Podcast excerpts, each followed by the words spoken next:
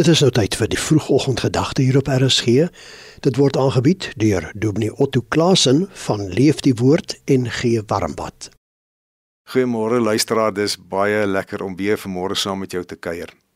Ons kyk wat sê die Here vir die gemeente in Thyatira, wat hy vir hulle sê, hou vas, hou vas wat julle het, hou vas, hou aan met wat julle mee besig is, hou krampagtig daaraan vas.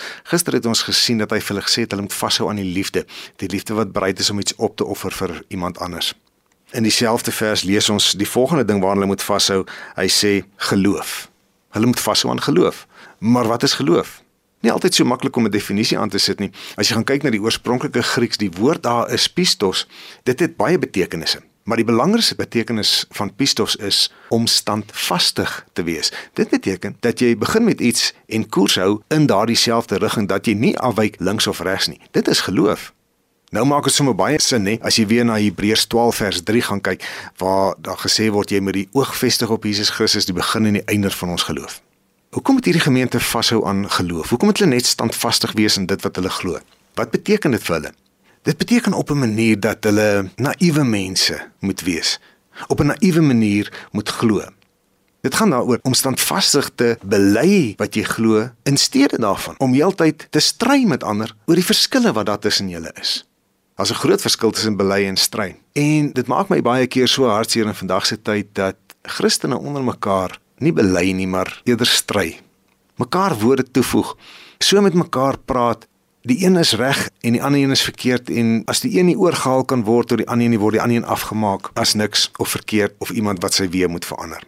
Gandhi, en hier is my die hartseer se uitspraak, het op 'n stadium van sy lewe gesê dat hy gek is oor Christus maar dat hy absoluut niks van die Christene hou nie. Want hy sien nie Christus in hulle nie. Hoe sien hy dit nie? Hy sê dis die enigste weermag waar die soldate te mekaar beklei en dan los hulle nog die gewondes op die slagveld. Dis wat gebeur wanneer ons stry in steede van bely. Ons het iets wonderliks om te bely. Ons is gered uit die genade en liefde van Jesus Christus. Ons is gered uit die dood van die sonde tot 'n ewige lewe. Dit is die waarheid van die geloof wat ons bely. Miskien moet ons nie te slim probeer wees en mekaar takel met redenasies nie. Dit gaan ons moeg maak. Dit is sleg vir die kerk, dis sleg vir Christendom. Moenie dit moeilik maak vir iemand anders om te glo nie. Wees jy net standvastig in jou belydenis van Jesus Christus. En nou dan weer die vraag, tot wanneer? Totdat niemand meer vir my wil luister nie? Nee, weer eens, soos Jesus sê, totdat ek kom.